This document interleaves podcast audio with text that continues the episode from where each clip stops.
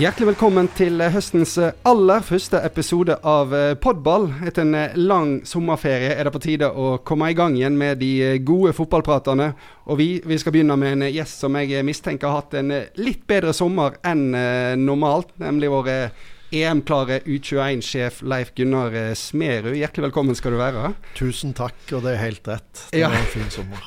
Ja, Fortell litt hvordan det har vært å, å gå inn i sommeren der med den opplevelsen. I ryggsekken, hadde sånn her sagt, fra Marienlyst der? Nei, det gir jo en peace of mind og en ro og en tilfredshet. Eh, og så begynner en fort å rette blikket framover, da. Men det, var, det, ble en fin sommer. Mye bedre enn om vi nå skulle forberedt en playoff, f.eks. Ja, og vi skal snakke mer om den opplevelsen og EM eh, seinere. Men jeg vil begynne litt sånn eh, For når jeg satt og forberedte denne her podkasten, så tenkte jeg at det er sikkert mange som lurer på hvordan var, hvordan var fotballspilleren Leif Gunnar Smerud? Ja, si det. Uh, han ble vel bedre og, han ble bedre og bedre til lengre tid det går siden jeg spilte, tenker jeg. Uh, nei, jeg, jeg, tror jeg var en Jeg spilte jo til U21-nivå og, og toppa vel min uh, mine prestasjoner i Eliteserien i 1998 med nest flest assist. og var en veldig anvendelig spiller med en brukbar høyrefot og et godt hode. Så jeg hadde en, en, fin, men litt kort. Jeg ga meg ganske tidlig. Uh, ville heller være trener, tror jeg. Så, så jeg fikk nå oppleve oppturer og nedturer som, uh, som spiller. Og landslag og e-cup og eliteserie, Obos-liga og mye rart. Uh, debuterte tidlig. Var tidlig ganske stor og ganske god.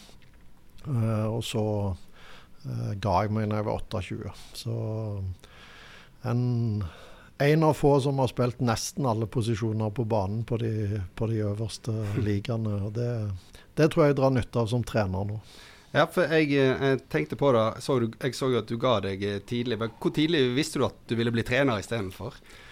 Altså, jeg visste nok det at jeg hadde lyst til å teste det ut eh, ganske så tidlig. Jeg hadde et år når jeg var i Viking eh, og var fortsatt spiller, men der jeg egentlig jobba full tid som trener for en junior elitesatsing der allerede i 2002. Da var jeg 25. Og Det ga mersmak, men det var litt vel tidlig å gi seg 25 eh, år, så jeg tok tre år til. halvannet år i Mandal og halvannet år i Lyn. før jeg da studerte litt og, og, ble trener. Og Du sier jo at som spiller så var jo et sterkt hode var jo en del av din eh, en fordel der. Eh.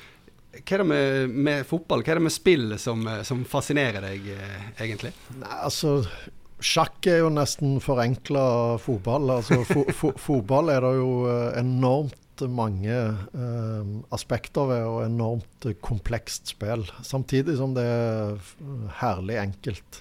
Og det å få folk til å fungere sammen, og det å få eh, det taktiske til å funke, og, og alt dette til å henge i hop, det er en kjempeutfordring som jeg trives med og, og liker å holde på med. da. Og så, eh, Som vi etter hvert vet, så har jo du, du har jo utdannet deg som, som, psykolog. Er det aspektet eh, altså, Er det grunn til at du gjorde det, at du så at det òg var noe som du òg eh, ser i fotballen? Altså psykologien og alt dette? Ja, det tror jeg. Jeg begynte med idrettspsykologi på idrettshøyskolen. Uh, og, og, så fikk jeg lyst til å gå videre med det. Og treneryrket er jo et utsatt yrke, så jeg tenkte det gjør ikke så mye å ha noe å falle tilbake på om det skulle gå helt gale. Uh, og så tror jeg det er nyttig med det faget uh, å ha med seg det inn. Det gir et, et perspektiv på folk og grupper og individer som jeg kjenner jeg har nytte av, absolutt. Ja, hvordan er det du, du bruker det i treningsgjerningen din?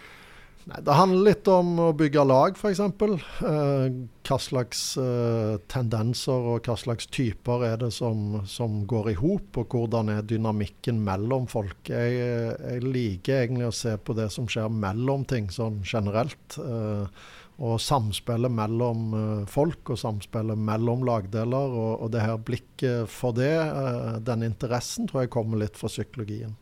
Eh, og så er det læringspsykologi. Eh, vi har eh, masse vi, kan bli bedre på i fotballen i forhold til, til, læring, det er jeg sikker på. Og det å dykke og prøve å lære der syns jeg er spennende. Så det er mange, mange sider. Og så hadde du, du hadde en del forskjellige trenerjobber. Du, trenerjobber. du var i Hønefoss i Eliteserien.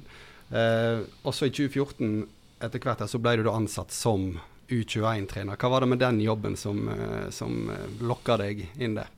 Det var en veldig veldig spennende jobb å, å få. Uh, Jobbe med kanskje de mest uh, spennende spillerne. De som skal ta og virkeliggjøre drømmen sin, egentlig, og som står klare til å Altså Det lyser i øynene på dem. Uh, og det er internasjonal fotball. det var òg en anledning til å utvikle seg som trener, i forhold til at du har litt mer tid til å reise, og lære og få masse erfaringer. eh, oppå det å, å bygge laget og utvikle spillerne. Så det var en ganske no-brainer å si, si, ja til når det tilbudet kom. Men som klubb, eller Sammenlignet med å være klubbtrener, da, så går du inn i en helt ny trenerrolle. Én ting er jo at uh, du ser spillerne sjelden og har, får sjelden muligheter til å påvirke dem på treningsfeltet og sånt. En annen ting er jo at som U21-sjef òg, så så mister du jo spillere både den ene og den andre veien, hadde jeg så nært sagt. Eh, hvordan tok du den utfordringen, og hvordan tilpasser du deg den måten å jobbe på? Nei, altså det, det er en del av jobben. Uh, spillerne skal videre. Uh, og så føler jeg jo at, uh, at jeg har sådd mye, da. for jeg har vært ganske tydelig forkjemper for å ikke løfte opp for tidlig nedenfra for å prøve å spille flest mulig lag, norske lag til mesterskap.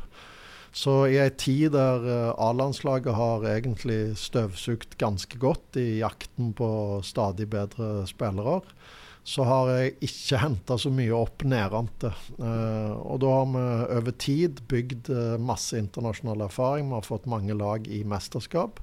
Men det er klart for min egen del og for U21 sin del så har det noen ganger vært litt tungt å, å planlegge en samling og ha brikkene på plass, og så mister du de to beste rett før. Så det, det må en på en måte ta med, men det er klart uh, jeg føler jeg har sådd ganske mye uh, og, og, levert oppover, kanskje ikke tatt så mye nedentil. Ja. Og eh, hvis vi ser på A-landslaget i dag, altså nå skal vi snakke litt om de kvalikene du har eh, vært gjennom. og Hvis vi ser på A-landslaget i dag, og vi går tilbake til 2016, eh, når du var i avslutningen av din, eh, din første kvalik eh, der eh, da ser vi igjen mange av de navnene som vi i dag ser på A-landslaget. Vi hadde en Martin Ødegaard, Mats Møller Dæhlie, Moe Elionussi, Alexander Sørloth. og vi skal til den kvaliken der, for der endte det opp med en, en playoff mot Serbia. din aller første kvalik. Og det begynte vel med en bortekamp der som endte med 2-0-tap. Hvordan husker du det? Det, det, husker jeg faktisk veldig godt, fordi Jonas Grønner uh, var kaptein for oss. Og han ble pappa omtrent i det øyeblikk uh, flyet satte hjula på bakken i, i Serbia. Um, og det er ikke så Han er den eneste jeg har hatt som har blitt pappa så ung. Um, og da håpte jeg vi skulle få han nedover. Det lot seg dessverre ikke gjøre. Så det var en ganske krevende oppgave å snekre i hop et nytt stopperpar uh, på så kort uh, tid. Vi hadde selvfølgelig tanker og en plan, men, men vi måtte starte med et nytt stopperpar. Og da slapp vi inn et mål på en pasning mellom stopperne etter fem minutter. noe sånt. Og, og etter det så gjør vi egentlig en OK kamp, uh, men vi lager et sjølmål på, på bakre stolpe i tillegg. 2-0. Serbia da var verdensmestere med den generasjonen, så det er klart vi, vi ga oss sjøl et litt for dårlig utgangspunkt før den, eh, den, kampen hjemme, men vi hadde virkelig troen. For det var, det var jo et meget spennende mannskap. Uh, og det er sånn hvis en skal se Man skal sikkert komme inn på noen andre lag, men i det laget så var det jo veldig mange små spillere. Du hadde Sørloth som kom etter hvert og begynte å lage noen, noen mål. Men da spilte vi jo på én måte. Uh, og nå har vi hatt uh, eh, 300 kg på topp og kan spille på en litt annen måte. Og det har òg vært fascinerende. Å prøve å finne ulike måter å, å, vinne på.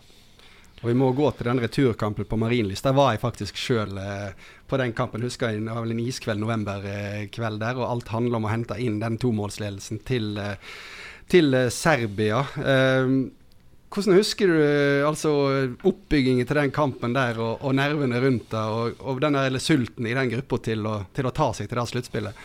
Ja, det, var, det var virkelig en tro. Det var en sult. Det var en fantastisk gjeng.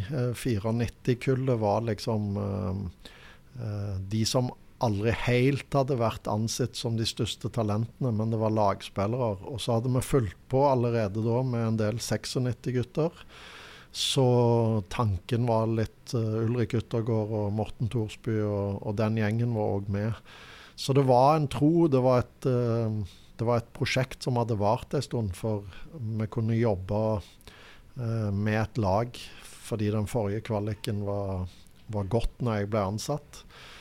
Så inn i den kampen så er det enorm kamp om plassene, f.eks. Jeg husker Veton Berisha var ikke veldig fornøyd med å havne på benken. Eh, og det var, det var trøkk, og det var tro, og så får vi jo 1-0 lå på egentlig et bra tidspunkt. Mo i Lunesse, var det ikke det? Mo i skåre. Ja. Uh, og da var jeg ganske sikker på at nå, i Drammen, så skal vi klare en til. Um, men det ble med den ene, dessverre. Så vi klarte ikke å presse inn uh, nummer to, men vi, vi vant kampen 1-0. Ja, og det var, et, det var, jo et kjør der for å få den andre skåringen. og var, som Du sier at du var sikker på at du skulle få den, men kom ikke. Hvordan, hvordan var følelsen da når, eh, når sluttsignalet gikk der og det var så nære? Det er jo det tunge som landslagssjef. At uh, hvis du ikke lykkes, så er det lenge til neste kamp, som regel. Klubbtrener, så må du opp på hesten igjen med en gang. Men går du inn, i, inn eller ut av, uh, ut av, en sånn kamp, så kan det være lenge til neste. Så det er tungt. Uh, samtidig så hadde vi begynt å bygge neste kull, som jeg hadde egentlig veldig stor tro på. 96-kullet med Ivar Fossum og og Morten Thorsby, som jeg sa, og en, en, god del andre som vi sikkert kom inn på. Um, så jeg tenkte at dette var et godt, veldig godt første forsøk, uh, og var ganske trygg på at nå har vi et, en, en, enda bedre sjanse uh, neste gang. Men det er dette med seedinger og rankinger og sånt som gjør at det er krevende å, å kvalifisere seg. Um, det tror jeg er litt underkommunisert at, uh, at, det er vanskelig å, å, klare å kvalifisere seg som tredjeside. Uh, ja. Så da er det som oftest to, eh, to, andre veldig ja, gode dager. Ja, det er det. Du ja. må forbi to. Uh, og, og, vi klarte jo å kapre en, en playoff-kamp i, i, den første kvaliken, og hadde forhåpninger for kvalik nummer to. Da. Men det er spennende det du sier med at dere allerede har begynt byggingen av kull nummer to da, for deg, hvis du kan si det sånn. For jeg husker jeg var der på jobb og sto og intervjua spillere etterpå. De, de, var så triste for at dette var deres sjanse til å kvalle med, med U21-landslaget. For nå ble de for gamle, var det en del der som ble.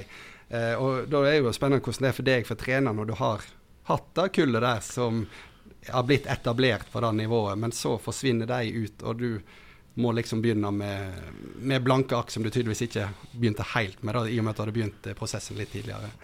Nei, det er spesielt fordi en ble glad i de her guttene. Og det, det, som jeg sa, så var, var den 94-gjengen en fantastisk gjeng. Eh, og samtidig så er lagbygginga å flette inn nye. Eh, når de er på en måte ferdig på 19, så prøver vi å flette inn de som, eh, de som vi ser eh, kan være aktuelle framover. Så det er jo både en medfølelse. De kjemper så hardt og, og jobber så godt i de første åra når jeg hadde U21.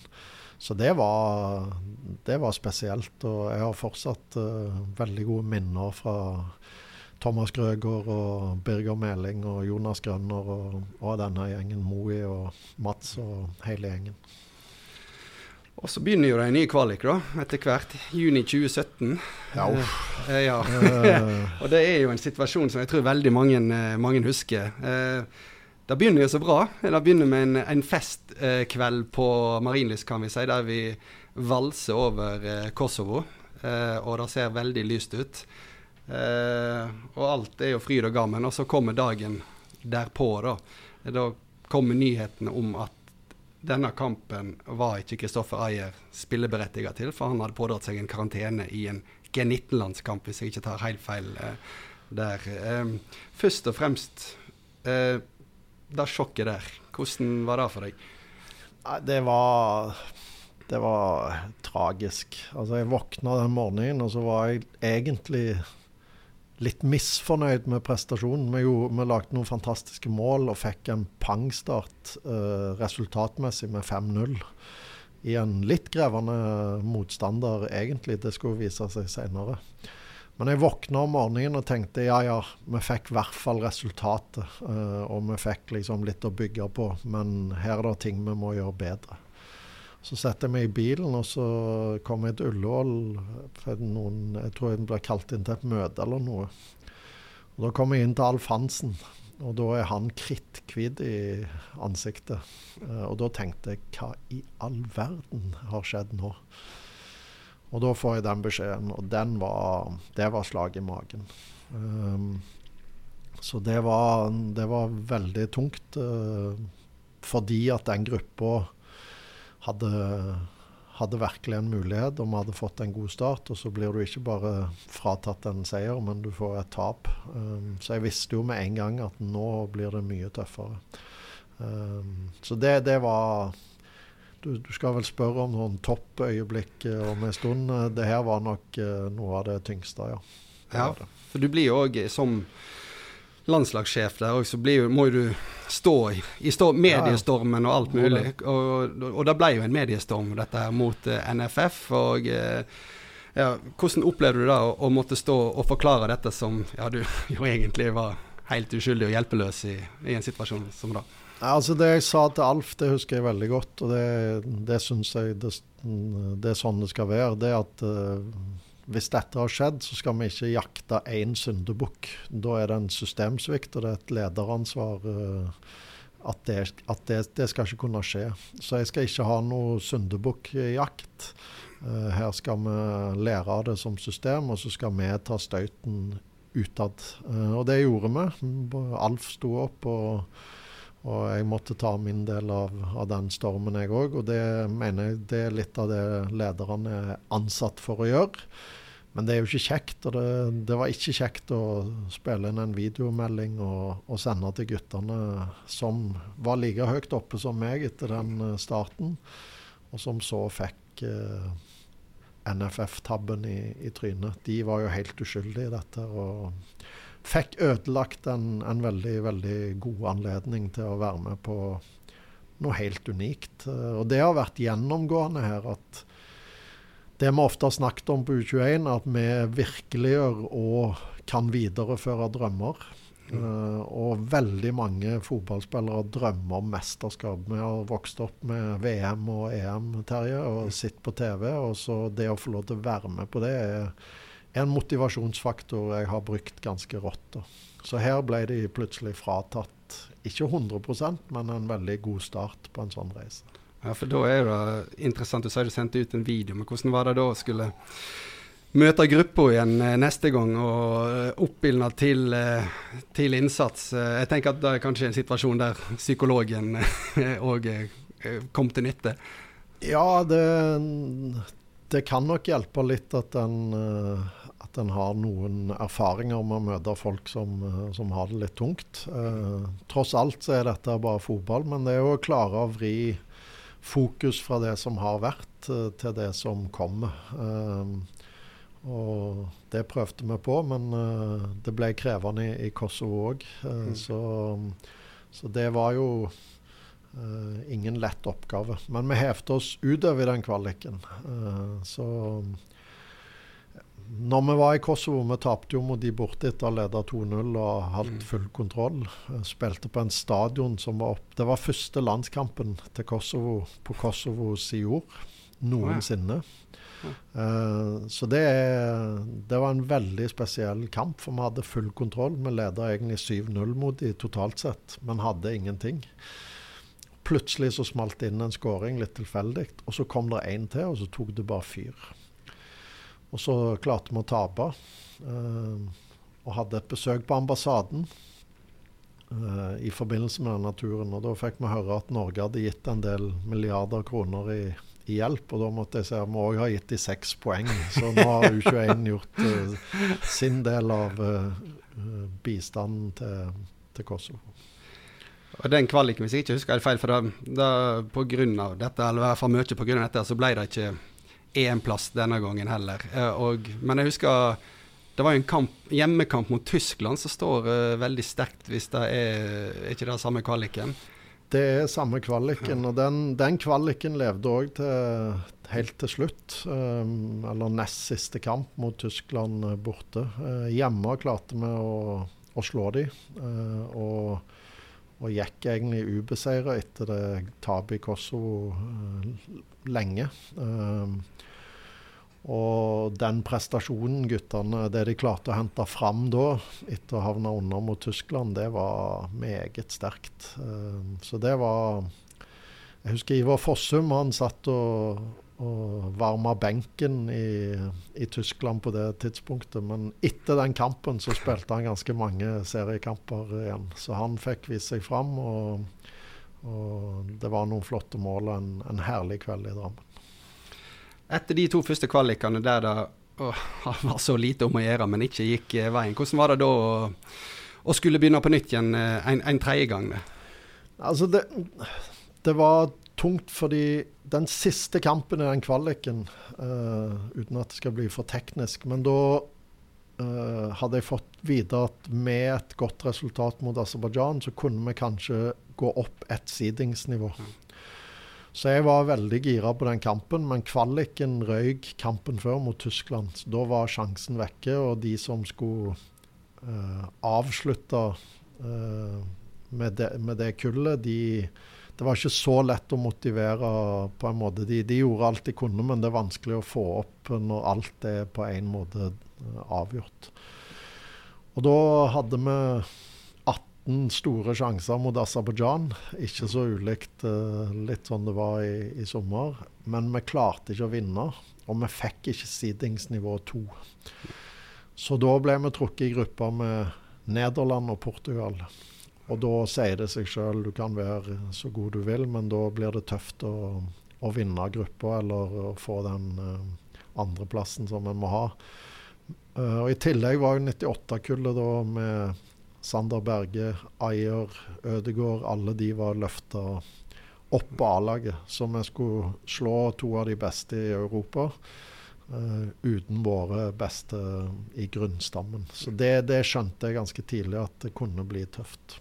Det var litt det jeg var innpå tidligere i samtalen her. Men hva, hva gjorde det med, med, motivasjonen din liksom når eh, Altså, du ser at det blir jo ikke enklere eh, når du må gi vekk alle disse spillerne som, som du så gjerne skulle hatt, eh, hatt bruk for. da? Altså, jeg, jeg, tenker at der må en uh, holde uh, holde fokuset på det som tross alt er en todelt jobb. Uh, da må en være ganske happy med at uh, en del spillere tar steget opp. Uh, og at, uh, at en har levert et spill som gjør at de har fått vist seg fram. Jeg syns jo det den måten vi har angrepet kvalikene på, selv mot god motstand, kanskje med ett unntak, den ene nederlandskampen i, i Drammen. Men vi har utfordra oss, og vi har utfordra spillerne på, på et, et spill og en uh, stil som gjør at de òg får vist seg fram og får testa grenser. Uh, så det å, det å, gå på en kvalik og vite at det blir tøft, det er selvfølgelig litt kjipt, men en må jo prøve. Og en må òg se at en gjør en ganske viktig jobb ved siden av, mm. som handler om uh, om mer enn bare resultatet for U21. På A-landslag er det bare resultater på et vis som, som gjelder. På U21 er det en, en dobbelthet i det. Mm. Har et, jeg har et spørsmål for ei som heter Sigrid Marie, som har sendt inn et spørsmål som lurer ja. på hva er det vanskeligste med å ta ut folk i den uh, U21-troppen? Det, det, vanskeligste er å balansere dette med, med kort sikt, lang sikt. Uh, det er jo ikke å, å, trene et landslag er ikke bare å samle inn de største talentene. Uh, og det kan i noen posisjoner være veldig sterk konkurranse, uh, som gjør at en kan sitte i Bergen eller i, i Tromsø eller i Trondheim og lure hvorfor, men hvorfor er ikke han her med? Nei, fordi konkurransen på den plassen er veldig skarp. Uh, men så kommer det en annen spiller med fra samme klubb som egentlig ikke er så god men der er konkurransen mye mindre skarp. Så det å, det å balansere dette og bygge laget, ikke bare uh, samle sammen talentene, uh, er, er, en viktig jobb. Um, og så skal en samtidig i det dyrke fram de som kan nå langt, men som kanskje ikke helt er der ennå. Så det er en, en balansejobb det handler veldig mye om. Opplever du at det er mange meninger om uttakene du gjør?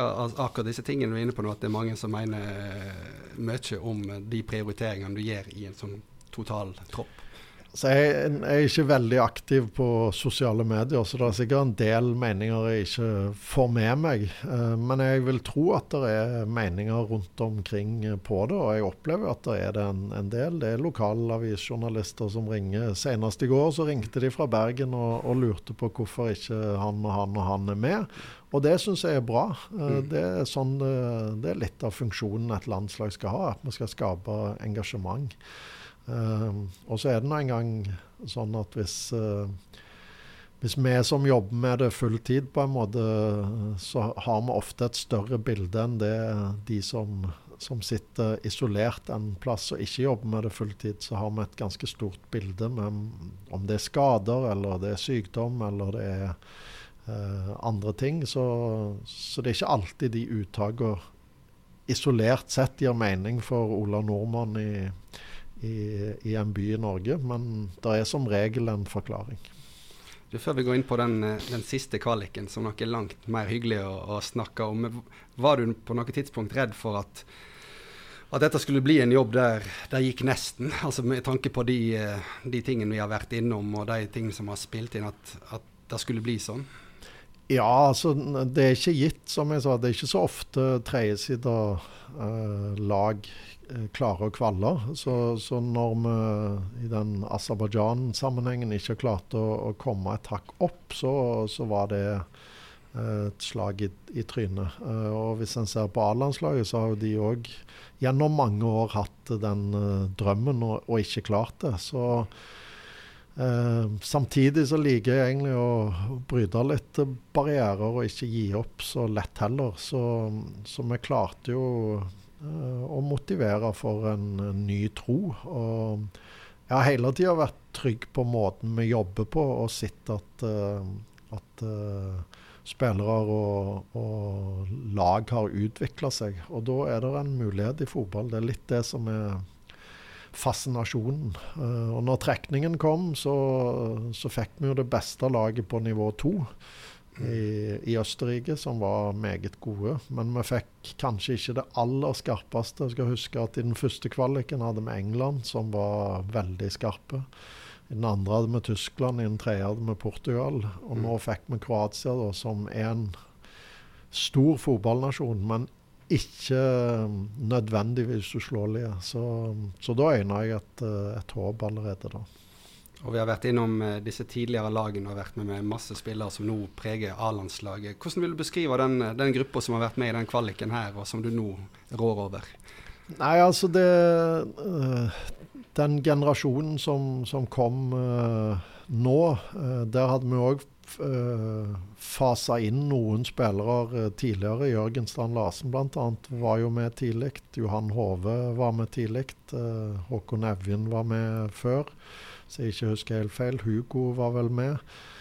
Um, så i inngangen før dette Det var jo en litt sånn uh, Uten at vi skal gå for langt inn i det, men det var jo nødvendig på et tidspunkt å, å ta en liten uh, et lite oppgjør med, med kulturen igjen. Uh, det var jo en jobb jeg opplevde at jeg måtte gjøre tidlig. For når jeg starta jobben den første samlinga Den andre samlinga mi, så hadde jeg 16-17 forfall. Så jeg, jeg, det var ikke en uh, veldig god kultur. Uh, og det måtte vi ta en støyt på. Uh, og fikk bygd det opp, så vi hadde veldig lite problemer med, med forfall. Og så måtte vi ta en ny runde i, med den 98-gjengen der ikke alle oppførte seg sånn som uh, en landslagsspiller skal. Uh, så når 0-0 kom, som har vært i to mesterskap før, så så var det mer U21 sånn eh, jeg vil ha det. Og det var krevende fordi at korona var der. Mm. Så vi, vi, fikk i veldig liten grad uh, spilt inn det laget og starta pang på uh, med en kamp mot Østerrike. Og Da la jeg faktisk hodet på blokka og sa til guttene at vinner vi denne her, første kampen, vinner vi denne, så går vi til EM. Ja. og det gjorde vi. Så det um, det var en bra start. Uh, og da, var troen der, og momentumet var vårt. Og så eh, går jo denne kval kvaliken framover. Og så, hvis vi tar den siste samlingen nå i, i juni, da, tre kamper 2-1 til Kroatia ved eh, full Nei, når det begynner å nærme seg 90 minutter. Ja, over 90. Ja, 91, over 90 minutter. Et eller annet, ja. Eh, hva går gjennom hodet ditt da? Nei, da er en uh, da er en der at en må ha et lite mirakel. Uh, så, så, da er det Da spiller en ut alle kortene en har, og så håper en. Det er jo sånn sett det en, det en gjør. og det var nok andre som var enda sterkere i troen akkurat da på at dette kunne gå enn meg. Ganske realistisk. Så jeg visste at det var ikke kjempestor sjanse for å vinne gruppa da. Uh, men jeg håpte jo på et mål, og at vi skulle kunne holde liv i kampen om, om andreplassen. Så når det første målet kommer, da, så, så er det en uh, bra glede. Men når, det, når, nummer to kommer, eller det tredje målet for oss, da, så, så eksploderer det jo fullstendig. Det var jo Det var helt sykt. Jeg for to mål på, på, på overtid der. Eh, lettelsen etter den kampen, for da har det alt å spille for i de to siste. Altså, hvordan, kjenner, hvordan kjennes det ut? Nei, det, det er jo uh, Det var ei uke til neste kamp, så det var jo grunn til å slippe ned skuldrene, og anledning til å slippe ned skuldrene noen timer i hvert fall. Uh, men samtidig så fikk vi en liten påminnelse, fordi på 2-1, når, eh, når, Kroatia skårer 2-1, så begynner de å bære inn øl i garderoben fra bussen sin. Da, de, da mener de at de er klare. Uh, så jeg var ganske tydelig på at vi skal ikke begynne noe feiring før vi er i, i mål. Så, så det handla ganske fort om å, om å, gjøre jobben i Finland, som vi visste kom til å bli en, en veldig tøff kamp. Mm. Og den, eh, den, jobben den gjorde dere. For den kampen vant dere. Og fikk da eh, Altså kunne avgjøre alt hjemme på Marienlyst, da. Ja. Eh, og da husker jeg satt og så den kampen på TV. Eh, og da var det et nervøst norsk lag som kom ut på banen der, altså. Ja, det var ikke mye psykolog som hadde vært trener da, skulle en tro. Eh, nei, det var Da tok anledningen guttene. Og jeg trodde egentlig vi hadde, og det tror jeg de òg trodde, at vi hadde at vi hadde den uh, rette inngangen. Men det mm. viser seg jo at anledningen ble, ble veldig stor. Så den, den, kampen var en lidelse, Terje. Det var at du, hvis du satt hjemme og så han på TV, så er jeg imponert. For det var, det var en av de aller dårligste kampene vi har spilt. Uh, men det endte godt, og det, det, da kan vi tilgi det. Ja, altså Hvis vi oppsummerer det, da, så alt vi har snakket om nå og de, de, tunge nedturene, de, de, tøffe tidspunktene her, og de gangene du må måtte motivere deg ekstra, og så bunner alt ut i det øyeblikket på Marienlyst når fløyta går der. Hva er, etter alt du, har vært gjennom der med, denne, med dette laget, hva, ja, hvordan, hvordan, blir det for deg? Nei, altså det jeg har hatt med meg et team. Eh, det har vært noen utskiftninger, men jeg har hatt med meg et, team gjennom de her årene. Terje Skjellestad har vært med fra start. Eh, Bård Homstøl har vært med fra start. Geir Stray Andreassen har vært med fra start. Og noen av de andre har vært med i ganske mange år nå. Eh, så det å få lov til å, særlig til Geir Dokk Andreassen, å få lov til å, å sende han til et mesterskap, det var veldig, veldig stort å få oppleve det. Så, så endelig Én eh, ting er for meg, men for spillerne, og ikke minst støtteapparatet, som har stått på i alle de her åra. Jeg tror de blir like frustrert som eh, Eller mer frustrert egentlig enn meg, når vi av og til har uh, måttet avgi spillere opp og ikke løfte. Uh, for de lever ånde for, for dette her òg, men har ikke alltid det samme bildet. Så det, det å få få sendt de til et EM, det var, det var veldig stort.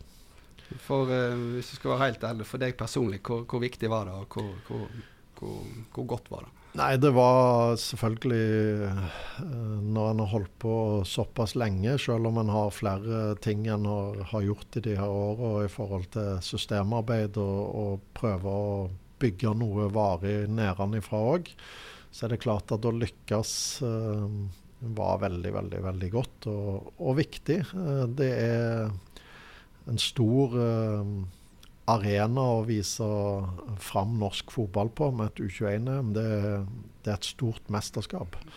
Uh, jeg tror er jeg tror finalen var den fjerde største sportsbegivenheten i Spania, f.eks. Så, så det er stort med U21-fotball. Det Inntrykket får han ikke alltid i, i, når vi spiller kampene i, i Norge og i Drammen, der vi stort sett har vært. Så det å få lov til å, å, delta på den internasjonale scenen i et mesterskap, det var viktig og, og godt. Og da mesterskapet går i Georgia og Romania nå om eh, et lite år, neste sommer. Ja, det gjør det. Eh, jeg var inne og kikka litt på lagene som var klare der. Det, det er ikke smånasjoner som, eh, som venter, venter i den turneringen der. Det stemmer, det. Det er, det er, de store fiskerne, og så er det Norge. Så um, det, det, er en utfordring vi ser fram til. Den vanskeligste biten er egentlig gjort, å komme seg dertil. Så får vi guffe på, og vi har et bra lag. Så, så vi skal gripe muligheten og fighte det vi kan for å klå de store og, og gjøre det bra.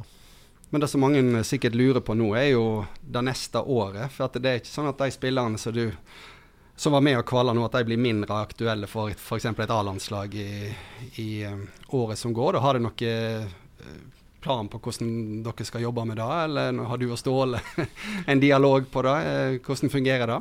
Altså, jeg opplever at, at Ståle virkelig ser helheten, og, og litt sånn som jeg har gjort Eh, så, så har han òg skåna U21 og, og sett at det har en uh, viktig funksjon at uh, spillere får mesterskapserfaring. Det er klart, uh, Nå håper vi at A-laget skal kvalifisere seg, men da er det lenge siden sist. Så det å få mesterskapserfaring for organisasjonen og for spillerne, det tror jeg er noe Ståle òg ser verdien av.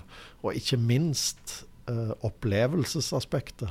Uh, jeg tror uh, de som var så heldige å få lov til å delta i mesterskap, enten det var i USA eller Frankrike, eller de, det er minner for livet. Mm. Det er det største du kan oppnå. Og jeg håper jo der at, at spillere tar steget på A-landslaget, men at de samtidig kan få anledning til å hjelpe Norge å gjøre jobben og nyte opplevelsen med kompisene sine i et mesterskap. Så Strand Larsen får veldig gjerne være med A-laget nå, men jeg, jeg, håper at han deltar i, i EM. Ja. 18.10, da er det trekning. Det stemmer. Hva Har du gjort deg noen tanker om hvordan du ønsker ei gruppe skal se ut? Nei, nå, Der er det jo òg seeding, så ja. vi, vi, kommer uansett til å få en, en tøff, ei tøff gruppe. Uh, så jeg har ikke tenkt så mye. Nå skal det være playoffs, alle lagene er jo ikke klare. Uh, men som gruppevinner så, så syns jeg jo at vi, at vi ikke skal frykte så mange. Uh, men samtidig er det klart at uh, den lista som, som, ligger der med kvalifiserte nasjoner, er, det er toppen av kremen i Europa, og det blir tøft. Absolutt. Du, vi, må, vi, skal snart runde av her nå. Eh, det er veldig interessant å, å høre på denne, denne reisa her, for det kan vi jo absolutt kalle det. Til slutt så vil jeg Vi var jo innom et stort øyeblikk eh, i stad. Men vi har eh, ei spalte i denne podkasten der vi spør alle gjestene hva, om de kan trekke frem sitt aller største fotballøyeblikk. Og jeg, jeg spurte deg òg på forhånd her om du hadde noe Jeg vet ikke om du har eh, kommet frem til noe? Altså det er klart, det øyeblikket du nevner når vi, når vi endelig klarer å kvalifisere oss, er som øyeblikk eh, veldig stort. Eh, men jeg vil òg trekke fram eh, den opplevelsen vi hadde rundt nødlandslaget. Uh, der teamet mitt uh, og jeg ble hasteinnkalt. og og det var en helt uh, Det var et sånn folkeeventyr i miniatyr i noen dager der. Og det, det kommer jeg nok aldri til å glemme, for det var, det var meget spesielt. Og, og fikk en respons som var enorm. Og, så det er kanskje et uh, fotballøyeblikk jeg aldri kommer til å, til å, glemme. Og jeg kan vel si det sånn at det er vel ikke helt usannsynlig at vi skal uh, lage en ny podkast senere som går uh, på da, den, det øyeblikket der, for å si det sånn, eller den historien der. For den er en det er mer der enn hva folk fikk med seg. Det kan vi vel avsløre. Det er det. Ja. det, er det. Så, men eh, det er òg fristende å trekke fram en skåring på Briskeby mot Ståle. Så ja, det syns jeg du skal gjøre. Han, han, han, husker nok den. Så, ja. ja. Da har vi tre gode øyeblikk der, da. Du får det. Ja.